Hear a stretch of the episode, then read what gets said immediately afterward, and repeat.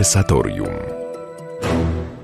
Dzień dobry Państwu, konwersatorium Paweł Milcarek. W dzisiejszym konwersatorium, y, tak mogę powiedzieć, chcę spłacić pewien dług, wyrównać pewne zaległości, y, ponieważ y, już ponad miesiąc temu, 13 czerwca, zmarł Jean Raspail wybitny francuski pisarz, e, urodzony w 1925, a więc umierał jako już mocno wiekowy człowiek. Pisarz, podróżnik, odkrywca, no, znany także ze swojego stanowiska ideowego, bardzo wyrazistego, bo w takich e, również jasnych deklaracjach e, gorący monarchista, człowiek czytany przede wszystkim z ogromnym entuzjazmem na prawicy, ale oczywiście, tak jak w przypadku wybitnego twórcy, to nie ograniczało się do jakiegoś jednego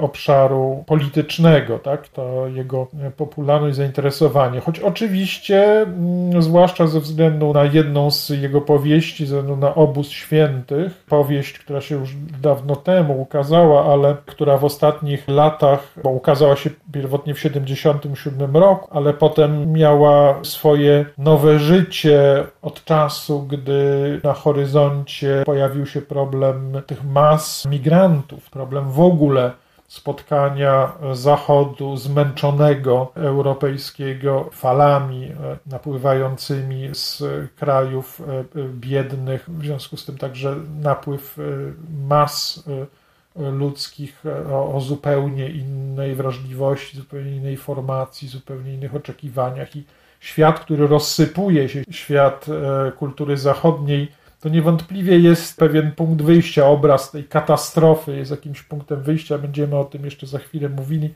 dla z jednej strony własnego wyboru i własnej drogi Raspaja, z drugiej strony też i dla jego popularności.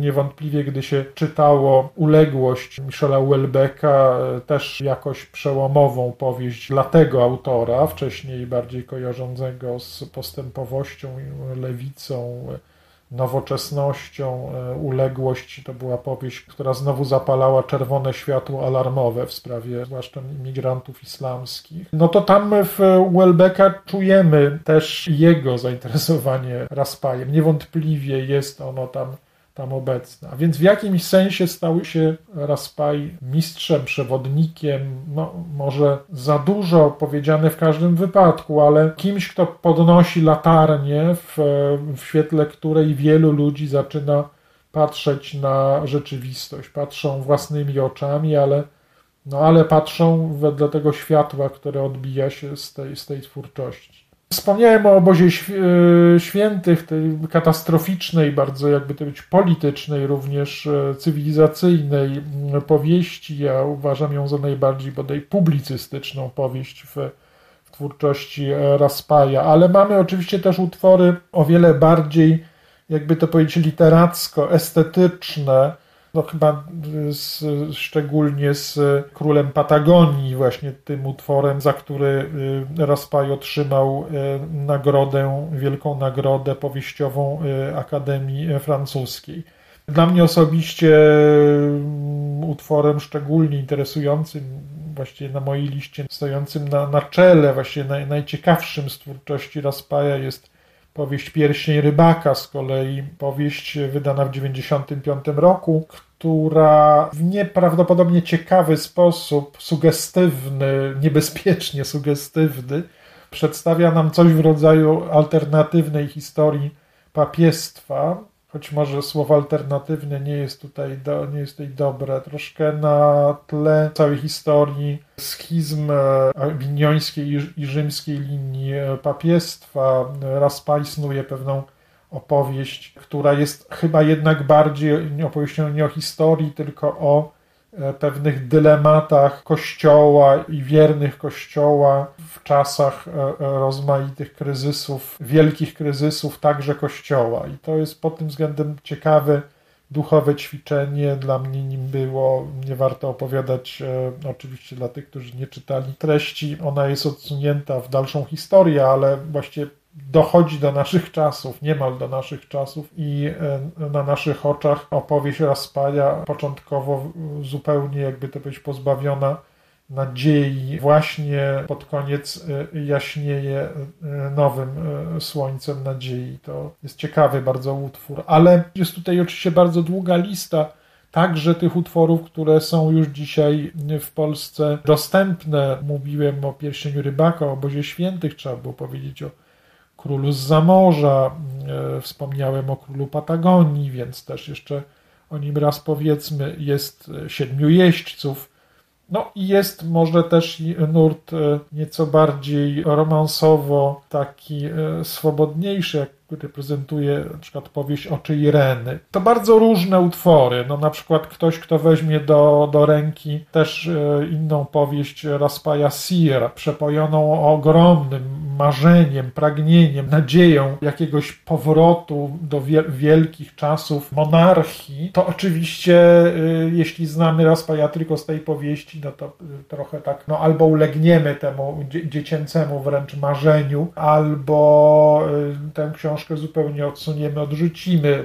Trzeba być albo w środku pewnej bajki, albo, albo zupełnie się na nią e, nie zgodzić. No ale Raspai ma, jak powiedziałem wcześniej, także te utwory, w których bardziej wprowadza nas w pewną dyskusję, w pewną dorosłe sytuacje bardziej i niewątpliwie w tych swoich utworach no nie tylko godzien jest uwagi, ale po prostu przymusza nas do do pewnych poważnych e, namysłów. Od tej strony jego niedawne odejście to jest wydarzenie, które trzeba również w naszym konwersatorium, co teraz robimy, zaznaczyć osobną e, refleksją. Nie wspominałem jeszcze do tej pory o utworze najbardziej bodaj tajemniczym, tajemniczym także, bo niedokończonym, pisanym przez autora lat 40, mianowicie opowieści Miłosierdzie, która ukazała się właściwie zupełnie e, niedawno i ukazała się w wersji zupełnie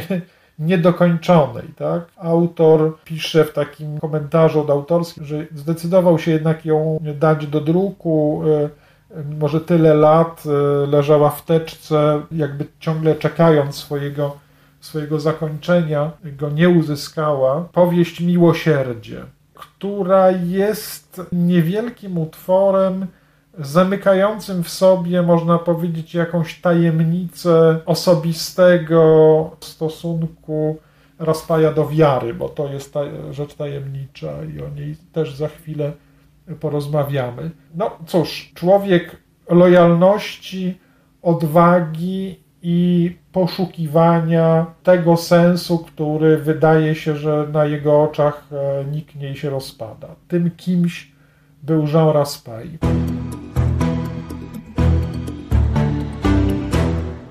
Wracamy do naszego wspomnienia o e, Żanie Raspaju.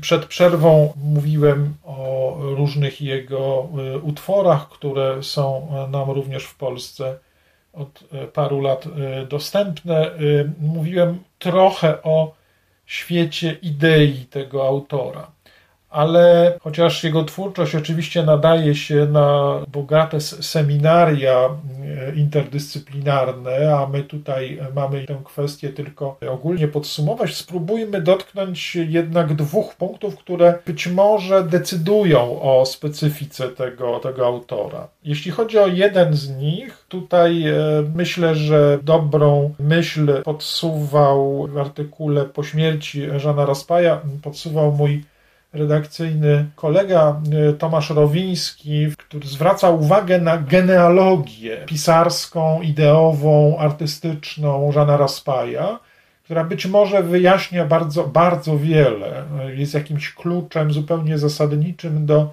całej jego twórczości.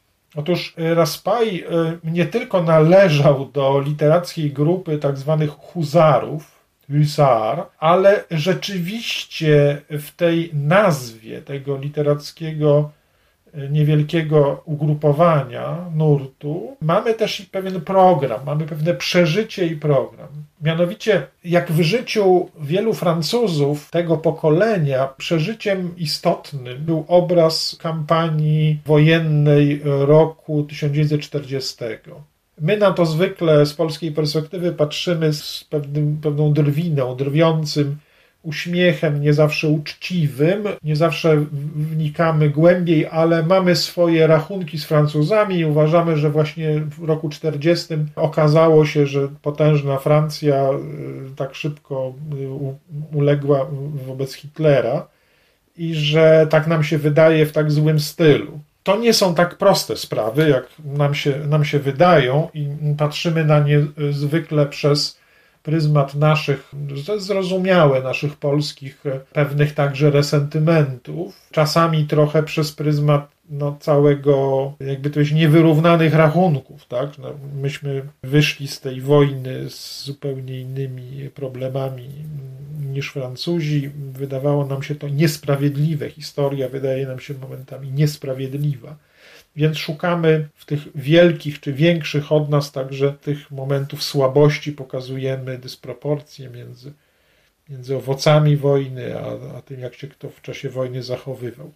I to wszystko y, jest trochę nasz obraz tej sprawy. Można powiedzieć, że mm, u Raspaja jest też dużo surowości wobec y, własnego kraju z tamtego czasu. Można powiedzieć, że to właśnie wtedy, w czasie tej e, wojny roku, w roku 40, w czerwcu 40 roku, w tej atmosferze tego, jakby się powiedzieć, kompletnego załamania, tej e, wielkiej, pewnej siebie armii i załamania tego społeczeństwa, które nagle zobaczyło upadek swojej cywilizacji tak, francuskiej, że to jest moment, w którym w Raspaju przełamał się także pewien obraz świata, w którym żyjemy. I do pewnego stopnia te różne obrazy, które on potrafi nam e, rysować e, świetnie, e, obrazy pewnej katastrofy, tego jak pod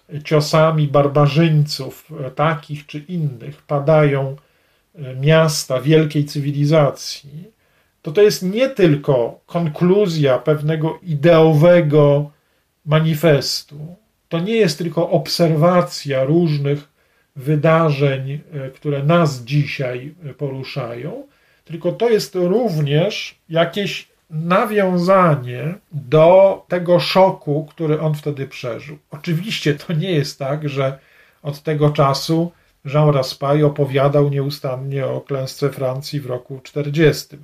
Nie, a niemniej wydaje się, że wtedy zdał sobie sprawę z tego, że właściwie wszystkie rzeczy, które są mu bliskie, wszystkie rzeczy, które go uformowały, wszystkie rzeczy, które stanowią pewną harmonię albo jakby powiedzieć inaczej też równowagę życia, które mierzą życie, są klasyką mierzącą sprawy życia ludzkiego, że to wszystko jest kruche, że to wszystko się rozsypuje. I to jest chyba ten moment wielkości w Raspaju, który przyciąga niejednego do, do, do, do niego. Że mianowicie jest w nim ta postawa tego huzara. To znaczy, to dzisiaj byśmy powiedzieli, być może coś w tym także jest, że, że to się jakoś klei z tym polskim, także z polską legendą tego samotnego partyzanta, czy żołnierza wyklętego, tak, niezłomnego. Bo w Raspaja oczywiście nie ma tego typu odniesień, ale jest w nim to przekonanie, że w sytuacji chaosu, a on tak definiuje nasze czasy, jedyne co jest możliwe dla człowieka, który nie chce chaosowi ulec, to jest jakby indywidualna postawa indywidualny sprzeciw wobec tego, tego chaosu. I teraz nie chodzi o jakąś, jakby to powiedzieć, anarchizującą taką wiem, akcję zbrojną, prawda?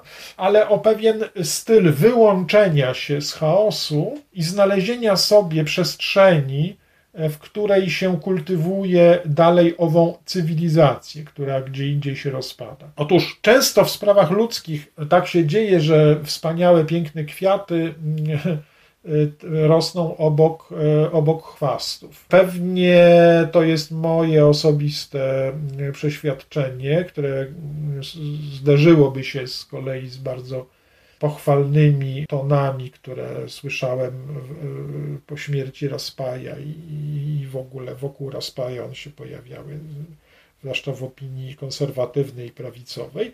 Być może tutaj dojdzie do jakiegoś zderzenia, ale ja właśnie uważam, że obok pięknych kwiatów, tej indywidualnej odwagi moralnej, której Raspaj jest nauczycielem, że obok tych pięknych kwiatów rośnie też w jego stylu takie szkodliwe zielsko, ono może być piękne również, może być uwodzące, tak? Chwast nieraz jest też piękny, ale że, że jest to jednak chwast szybko się y, roznoszący chwast takiego pozornego, a efektownego rozwiązania dla, dla, tej, dla, dla sprawy. No, nie każdy z nas na różne sposoby pada tak, ofiarą takiego pośpiechu, próby jakiegoś poradzenia sobie z chaosem, który nas przygniata, z którym się widzimy dla Raspaja, to ten chaos to jest wszystko, co dzieje się właściwie przynajmniej od czasów rewolucji francuskiej. E, on ma domowe, rodzinne tradycje wielkiego zaangażowania tak, w przeszłości, w poprzednich pokoleniach. Jeden z jego przodków należał do czołówki polityki demokratycznej. Tak. Pradziadek François Raspail zaznaczył się w roku 1848 jako zwolennik, współtwórca tak, systemu powszechnego głosowania we Francji. Jest to rodzina, która jakoś bardziej, jak się przechodzimy po na przykład po Paryżu, po bulwarze Raspail, to zaznaczyła się w przeszłości entuzjazmem dla dla zmian naszej epoki. Natomiast Jean Raspail jest ich krytykiem.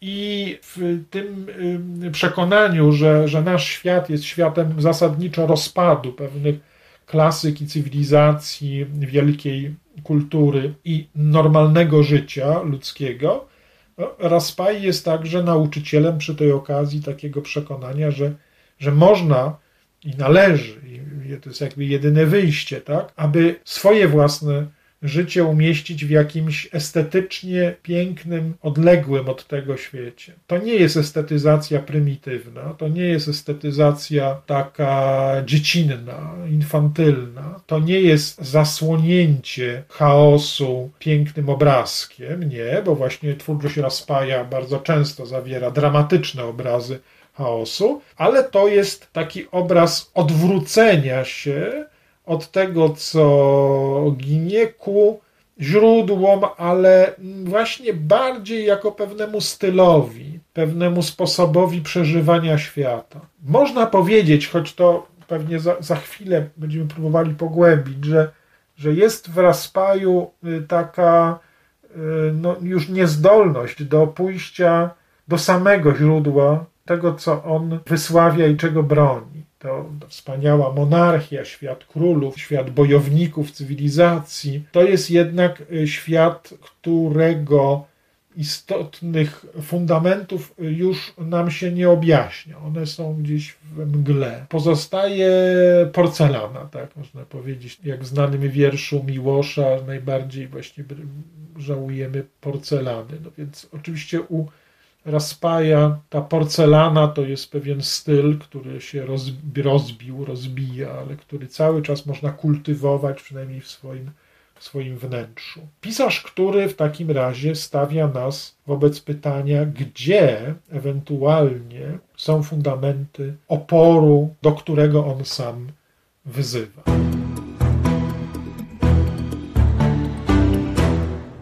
Wracamy do wspomnienia o Żanie Raspaju, zmarłym 13 czerwca 2020 roku, sędziwym już e, krytyku stanu naszej cywilizacji. Mówiłem przed przerwą o tej jego postawie niezłomnego huzara, tak? tego kogoś, kto w sytuacji, gdy e, świat się wali, można powiedzieć, pozostaje E, odwróconym od tego świata, samotnym, rycerzem tego stylu, który panował, tak, który wyznaczał życie owej zaatakowanej cywilizacji. Mówiłem przed przerwą również o tym, że jest gdzieś wewnątrz tej postawy także takie pęknięcie, nie do końca wiemy skąd bierze się wielkość, tak? gdzie jest źródło tego imperatywu zatrzymania, może właśnie nie uratowania, tylko jakiegoś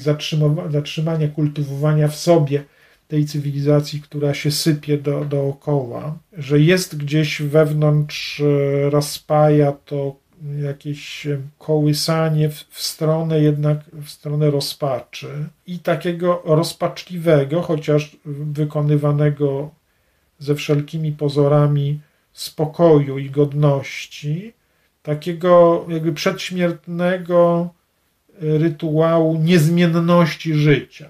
Niezmienności życia i nawet można więcej takiego rytuału wyzywania śmierci przez prezentowanie najróżniejszych artefaktów przeszłości jako tego, co nas napędza, jako tego, co dla nas jest ważne. Nie tylko Król z Zamorza to tytuł jednego z niezwykłych utworów Raspaja, ale można powiedzieć cała seria różnych postaci, różnych obiektów, które wiążą nas z wielką przeszłością, to to jest to, co ma tworzyć także nasz, nasz sprzeciw, naszą kontrę wobec, wobec, wobec upadającego świata. Wcześniej wspominałem o tej tajemniczej, zagadkowej powieści Raspaja Miłosierdzie, nie, nieukończonej. Ona opowiada, to też jest niezwykłe, Raspaj bardzo często trafiał z dużego dystansu, bardzo, bardzo wcześnie trafiał na na tematy, na wątki, które rzeczywiście tworzą w jego twórczości coś profetycznego, bo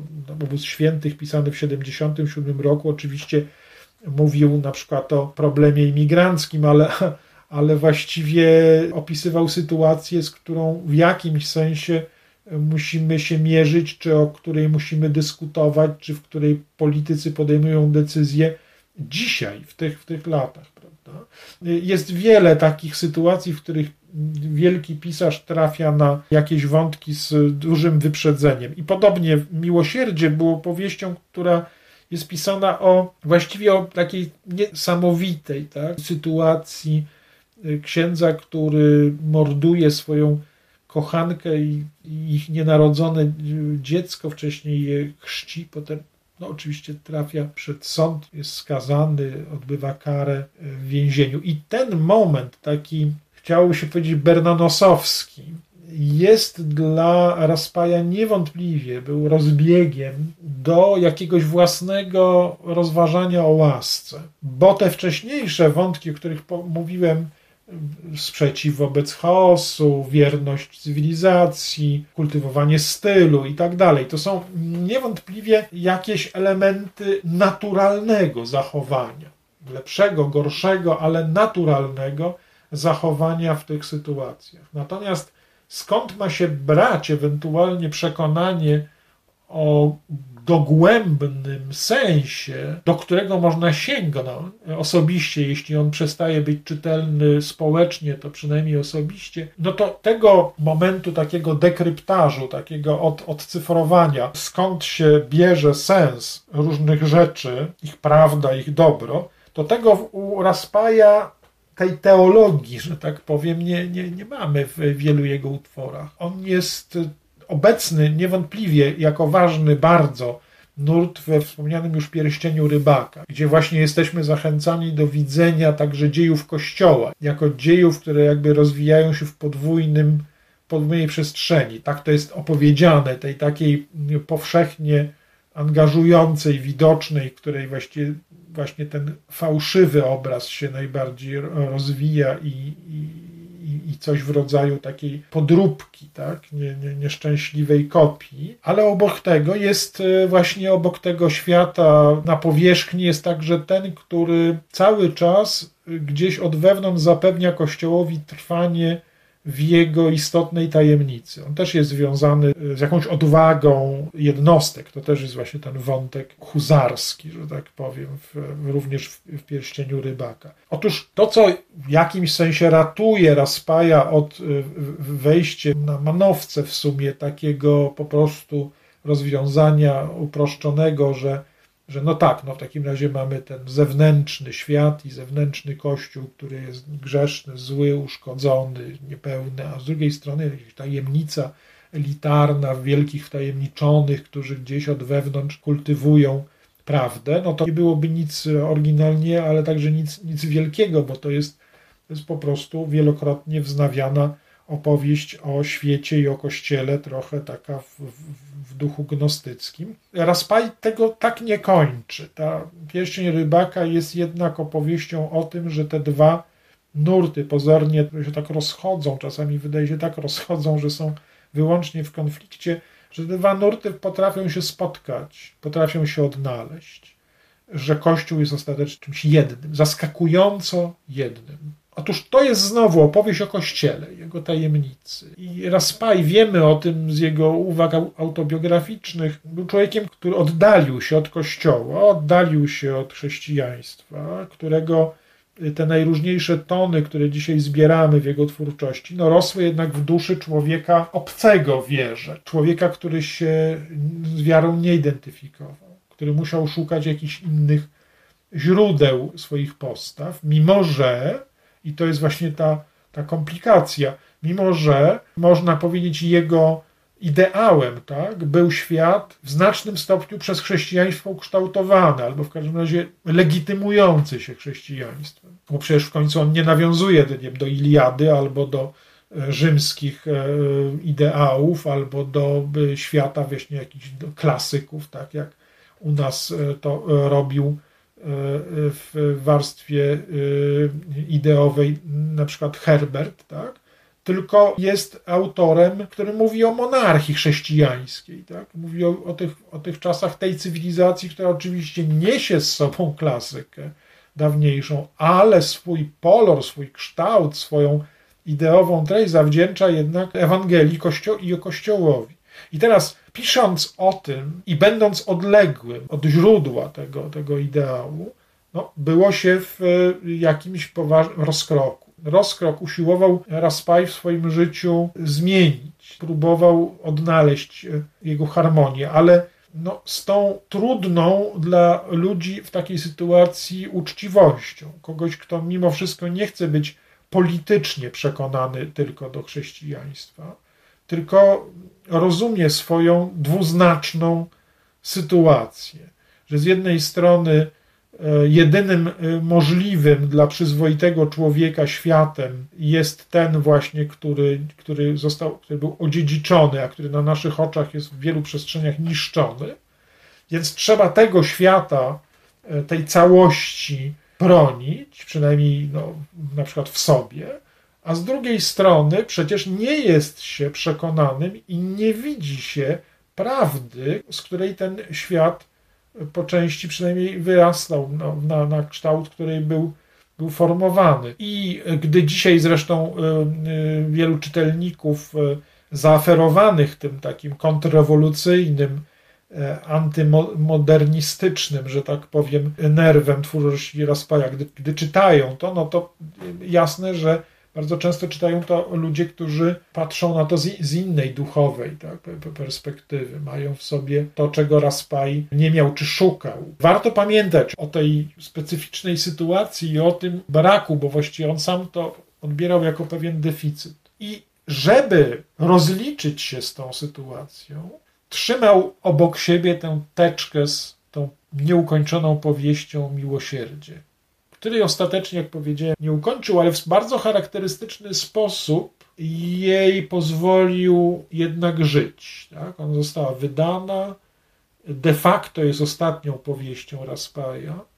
Rzeczywiście domknęła jego życie, jego twórczość. Równocześnie pozostała nieskończona, ale dołożył do niej Raspaj po latach wątek bardzo osobisty, gdzie niewątpliwie bohater, zupełnie tworzący inną należące do jakiegoś innego wątku tej powieści. Ten wątek tego księdza zbrodniarza, on tam jest, e, jest bardzo istotny, ale gdzieś obok niego idzie również nieukończony, ale wyraźnie mający się spotkać z tamtym, tak, wątek człowieka również sędziwego, starego, który próbuje znaleźć wiarę i który moment taki kulminacyjny jest spowiedź, która zdaje się jest spowiedzią, w jest spotkanie obu protagonistów, obu głównych bohaterów. Otóż w tym, y, w tym starszym człowieku, który próbuje się wyspowiadać, jest niewątpliwie sam Raspai. I